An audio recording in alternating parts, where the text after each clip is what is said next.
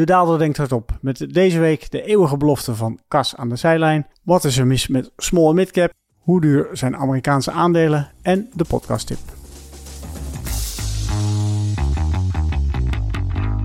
De Daalder denkt hardop, editie nummer 97. En laat ik gelijk maar eventjes met wat huishoudelijke mededeling beginnen. Want het zou kunnen zijn dat ik volgende week niet in je podcastfeed terug te vinden ben. Ai! Volgende week dinsdag, en dinsdag is altijd de dag dat ik de podcast opneem. Volgende week dinsdag staat in het teken van de uitvaartplechtigheid van mijn moeder. 90 jaar is ze geworden. Kraakhelder tot het einde. Eigenwijs ook van hier tot Tokio. Dus dan weet iedereen gelijk ook waar ik dat vandaan heb. Nou vertel ik dat allemaal zeer opgewekt. Maar het is natuurlijk een zeer droevige aangelegenheid. Dus het kan best zijn dat ik op maandag niet voldoende ambitie heb om alsnog een podcast in elkaar te draaien. En dan zal ik dus een beetje moeten overslaan. Tegenovergestelde is trouwens ook goed mogelijk dat ik juist mijn zinnen wil verzetten. Even aan iets anders wil denken. En dus wel een podcast maak. Maar dat zullen we dus pas volgende week weten. Steunbetuigingen zijn natuurlijk altijd welkom op vraag.daalder.blackrock.com. Maar eigenlijk is dat mailadres natuurlijk bedoeld om vragen te stellen. Dus mocht u, en dit is de tweede huishoudelijke mededeling, mocht u vragen hebben over onderwerpen waar u graag aandacht aan wil besteden, stuur die vooral naar vraag.daalder.blackrock.com. En wellicht behandel ik ze dan in een volgende podcast. Ach, en als we dan toch bezig zijn. Dit is editie nummer 97. Dat betekent dat we nog drie edities te gaan hebben om bij nummer 100 te komen. Een jubileum editie. En de vraag is natuurlijk, wat gaan we daarmee doen? Suggesties zijn welkom. Ook weer op vraag.daalder.blackrock.com. Einde dienstmededeling komen we bij de podcast zelf. Ik heb een aantal onderwerpen en waar zal ik eens mee beginnen? Nou, laat ik eens met de small en mid cap beginnen. En dit sluit aan bij de column die ik deze week in het Financieel Dagblad heb geschreven, de midcap blues geheten. Maar grijpt in principe ook terug naar een vraag die ik eerder heb gehad over midcaps, waarom die het qua performance de afgelopen tijd zo magertjes hebben gedaan. En we hebben het dan over, nou ja, als je naar de lokale markt kijkt, dus de Nederlandse markt, AEX vorig jaar plus 14%, AMX, de midcap markt, min 0,4%. Als je naar Amerika kijkt, is het 24% voor de S&P 500, 15% voor de Russell 2000, de Amerikaanse small en mid cap. En als je dan vervolgens de MSCI World erbij pakt, dan leveren de large caps 23% rendement op en de small en mid caps 14%. Let wel, deze resultaten zijn eigenlijk nog gunstig in die zin dat de laatste twee maanden van het jaar juist de small mid-caps het relatief goed deden. Als je bijvoorbeeld een index maakt van de S&P en die deelt door de Russell 2000, dan kan je het verloop zien, het relatieve verloop natuurlijk van de small mid-caps ten opzichte van de S&P 500. Dan zag je dat de Russell 2000 de eerste 10 maanden 16% achterbleef bij de S&P 500 om de laatste twee maanden een deel van dat verlies weer goed te maken, plus 12%. Waarna de relatieve underperformance trouwens weer gewoon inzetten. Overigens is deze underperformance niet vorig jaar begonnen. Sterker nog, als je Amerikaanse en Nederlandse aandelen erbij pakt, zie je dat er eigenlijk vanaf 2021 sprake is van een ja, toch wel een redelijk stevige underperformance voor met name de small en mid caps. Nou, waar komt dat door? Op zich zijn er meerdere redenen voor te verzinnen. En de meest voor de hand liggende is natuurlijk dat 2021 ook het jaar was dat de inflatie opeens de kop opstak. Nou, wat blijkt dan? De grote bedrijven, de mega caps of de large caps, die hebben natuurlijk marktmacht en kunnen in principe hun prijzen dusdanig aanpassen dat ze er niet zo heel veel last van hebben. In feite geven ze de inflatie gewoon door. Terwijl in sommige gevallen zelfs sprake was van margeverbetering. Nou, voor de small mid-caps is het een stuk minder makkelijk. Ze hebben niet die pricing power. Ze zitten wat dat betreft een beetje aan de receiving end, zou je kunnen zeggen. En zelfs als dat niet zo zou zijn, dan geeft het toch voldoende onrust, onzekerheid over de winstontwikkeling, de marges die je kan behalen in een dergelijk moeizaam klimaat. Als ik kijk naar de gerealiseerde winst per aandeel cijfers, dus niet de verwachte winst per aandeel, maar echt gewoon wat er gerealiseerd is. En ik vergelijk begin van 2021 met 2024, dan zie ik dat de AEX een winst per aandeel groei van bijna 400%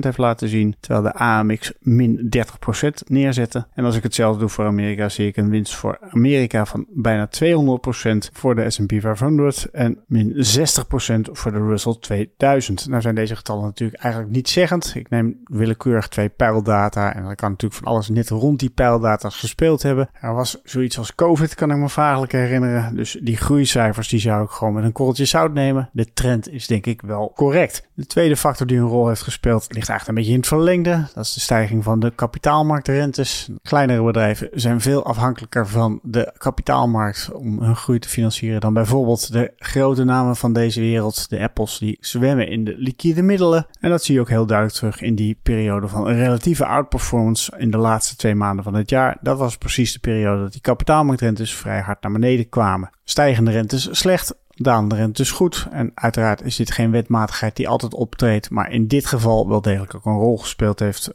die verklaart waarom die midcap zo is achtergebleven. Derde reden is natuurlijk de internationale spreiding die large caps veel meer hebben dan met name de mid- en small caps. Ben je een bedrijf dat louter afhankelijk is van de groeiontwikkeling in bijvoorbeeld de Nederlandse en Duitse markt, nou dan heb je op dit moment echt wel de wind tegen, weinig groei. Maar ben je daarentegen een groot bedrijf wat bijvoorbeeld meer exposure heeft naar Amerika of ontwikkelende landen, India, Indonesië, waar de groei nog veel hoger ligt, ja dan heb je in elk geval iets van een buffer. Dit is ook gelijk de reden waarom small en mid caps het over het algemeen beter doen op het moment dat je uit een recessie komt. Je hebt dan inderdaad echt veel meer exposure naar de lokale economie. Dus op het moment dat die economie weer begint te groeien, dan pluk je de volle vruchten. Terwijl als je dan internationaal gediversifieerd bent, ja, dan heb je dat voordeel niet in die hoge mate. Overigens spreek ik hier in algemene termen. Hè. Er zijn natuurlijk altijd wel small en mid caps te vinden die wel degelijk internationaal actief zijn. Maar over het algemeen kun je zeggen hoe kleiner, hoe beperkter, hoe regionaler. En dan is er natuurlijk nog de laatste factor die vaak genoemd wordt. Het is allemaal weer de schuld van de passieve beleggers. Overigens is dat wel interessant. Ik was deze week was ik bij BNR Waar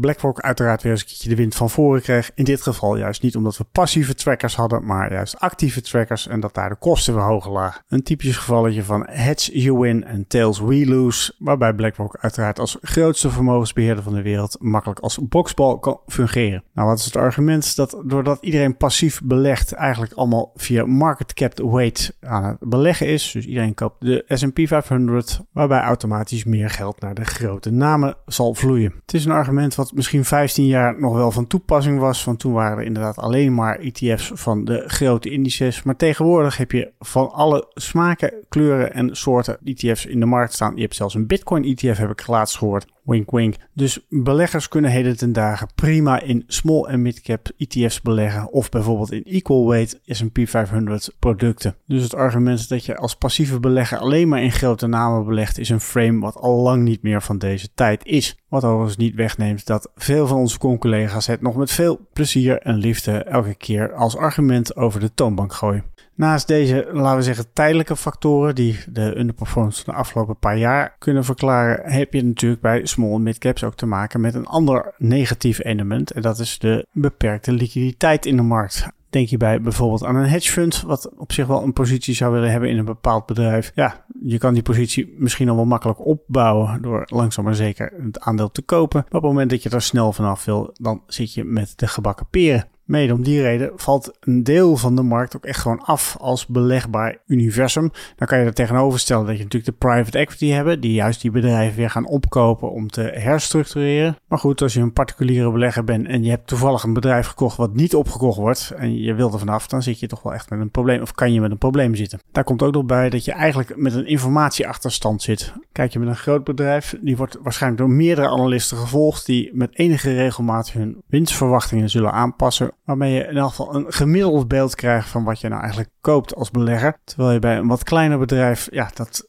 er zijn nog wel wat analisten die dat volgen, maar het is natuurlijk relatief beperkt. En of de verwachtingen die ze hebben afgegeven ook inderdaad nog courant zijn, kun je je uiteraard afvragen. Als dan vervolgens een van de analisten zijn of haar ramingen aanpast, kun je die vreemde spikes zien in met name de earnings per share verwachtingen of de PE multiples waarmee je dacht te rekenen. Al met al voldoende redenen om te verwachten dat je eigenlijk een soort van discount ziet als je een small mid-cap bedrijf koopt. Maar wat blijkt, dat is helemaal niet het geval. En dan kijk ik specifiek nu even naar de Amerikaanse markt, die over het algemeen natuurlijk te boek staat als zijnde vrij duur. Volgens de cijfers van Bloomberg handelt de S&P 500 op dit moment op 22,5 keer de verwachte winst, terwijl de Russell 2000 op 32,5 keer handelt. Nou is het inderdaad best mogelijk dat die Russell 2000 getallen vertekend zijn, doordat het eerdere punt wat ik aangaf dat er te weinig analisten zijn, waardoor er ja, wat meer ruis in die cijfers zit. Dus ook hier zou ik niet te veel aandacht aan willen besteden. Maar het hele idee dat je met een aankoop van small en mid caps een soort van under-owned en underloved en goedkoop beleggingscategorie koopt, dat lijkt in elk geval niet waar te zijn. Nou zijn er natuurlijk allerlei lieden die zullen zeggen, ja, PE dat zegt niks. Voor small caps moet je naar EBITDA, EV multiples gaan kijken en dat soort mooie uitzonderingen. Nou, dat kan, maar eerlijk gezegd vermoed ik dat als er al vrij weinig analisten naar de echte earnings per share kijken, dat er nog veel minder analisten over zijn die een redelijke gooi doen om de EBITDA EV multiples uit te pluizen. Overigens kan me ook niet voorstellen dat het verschil tussen de twee maatstaven nou dusdanig is dat het beeld opeens volledig kantelt. Dus ja, ach,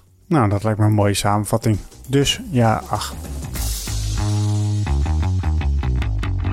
Komen we bij het volgende favoriete thema van het moment: money on the sidelines. Want menig professionele belegger kijkt watertandend naar het geld wat de afgelopen jaren naar de money market funds, met name in Amerika, is gestroomd. Zo stuitte ik op een artikel in de Wall Street Journal met de titel The 8.8 trillion cash pile that has stock market bulls salivating achterliggende verhaal is natuurlijk simpel. De afgelopen tijd hebben we gezien dat met name de korte rente hard omhoog gegaan is. Centrale banken die een ultieme poging deden om inflatie onder controle te krijgen. Nou ja, dat heeft ertoe geleid dat opeens de asset class kas of kortlopend geld best wel interessante rendementen gaf. Sterker nog, op een goed moment lag de driemaandsrente in Amerika meer dan een vol procentpunt boven de tienjaarsrente. En dat had natuurlijk een aanzuigende werking naar wat dan de money market funds wordt genoemd. In dat eerder genoemde artikel staat ook een keurige grafiek daarvan. Waarbij je eigenlijk in de periode 2010 tot 2018 vrij stabiel een totale omvang van die money market funds van ongeveer 3 triljard zag. En triljard is biljoen in Nederlandse termen, dus 3000 miljard.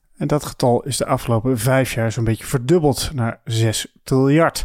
Hoe kom je dan op die 8,8 triljard die ik eerder noemde in het artikel? Nou, dat heeft te maken met de time deposits een financieel product wat eveneens een korte looptijd heeft. Nou, de hoop en de zogenaamde kwijlopwekkende gedachte hierbij is dat dit geld op korte termijn inzetbaar is en dus bijvoorbeeld naar aandelen of naar andere beleggingscategorieën kan vloeien. Met uiteraard als gevolg dat de markt vanuit die kant toch weer een keertje een extra ondersteuning krijgt. En de trigger hierbij zou natuurlijk zijn dat de rentes, de beleidsrentes van centrale banken, dit jaar verlaagd gaan worden. Met als gevolg dat die money markets automatisch minder interessant zijn. Ja, dan gaan mensen weer op zoek naar alternatieven. Dat is snel van de hoop. Nou ja, het is uiteraard niet uit te sluiten dat het op een goed moment gaat gebeuren. Maar ik heb toch wel zo mijn bedenkingen. Die grafiek in de Wall Street Journal die start eigenlijk zo'n beetje in 1985. Dus we kijken naar 40 jaar historie van deze beleggingscategorie. Ja, en in die 40 jaar is er natuurlijk wel vaker een rente verlaagd. Sterker nog, als je de rentecyclus van de Federal Reserve erbij pakt, zie ik in elk geval 1, 2, 3, 4 hele duidelijke periodes van renteverlaging. Maar ook in de periode 1995 tot 1999 is de rente een aantal keer verlaagd. Als je dan vervolgens kijkt naar die ontwikkeling van die money market funds, ja, dan wordt het toch best wel moeilijk om daar nou die periodes van renteverlaging terug te vinden. Eigenlijk zie je een patroon waarbij je elke keer nieuwe plateaus hoger, hoger, hoger ziet. Waarbij je eigenlijk in het beste geval één keer maximaal een onttrekking, om het dan maar zo te noemen, een onttrekking van 1 triljard hebt gezien. In de periode van 2003 tot 2005 zag je een hele lichte daling. En de enige echte correctie ja, dat is die rond de global financial crisis. Toen iedereen zeker voor het onzekere koos, alles in money markets stak en pas daarna weer enigszins bij zinnen kwam. Nou, dat is dus dan een tijdelijke daling van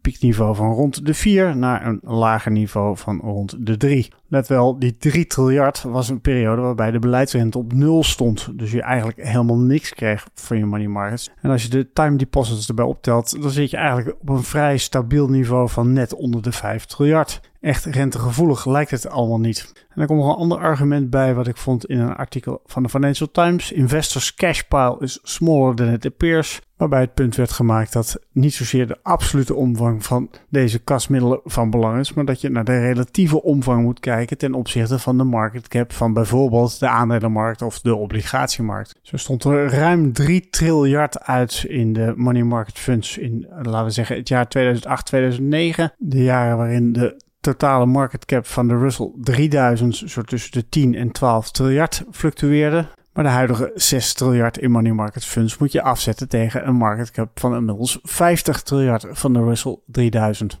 Best aardig, maar lang niet zo groot als in 2008, 2009. Overigens, ik heb nog even teruggeluisterd. Ik noem overal triljard. Eigenlijk zou ik over trillion moeten zeggen. En in het Nederlands heb je het dan over biljoen, dus duizend miljard. Nog een laatste punt over dit onderwerp. In het artikel van de Financial Times werd nog een laatste correct punt gemaakt. We hasten to note that we don't believe in the cash on the sidelines fallacy. When cash is used to buy shares, the amount of cash in the system does not change. En dat is natuurlijk waar. Op het moment dat ik aandelen koop, ja, die koop ik van iemand en die krijgt dan vervolgens mijn geld. Strikt genomen kan die daar iets anders mee gaan doen, bijvoorbeeld een huis kopen. Maar dat lost natuurlijk het probleem niet op. Wederom zie je dat kas alleen maar van de ene plek naar de andere plek verschuift. Hiermee is uiteraard niet gezegd dat die money market funds niet een keer een tikje naar beneden kunnen gaan doen. Maar dat betekent dan eigenlijk dat die kas ergens anders neerslaat. Persoonlijk heb ik een beetje het gevoel dat dit argument overeenkomt met het argument wat om de zoveel tijd ook uit de kast wordt gehaald. Namelijk dat aandelenmarkten de komende tijd de wind in de rug zullen krijgen van mergers en acquisitions. Aandelen zijn relatief goedkoop.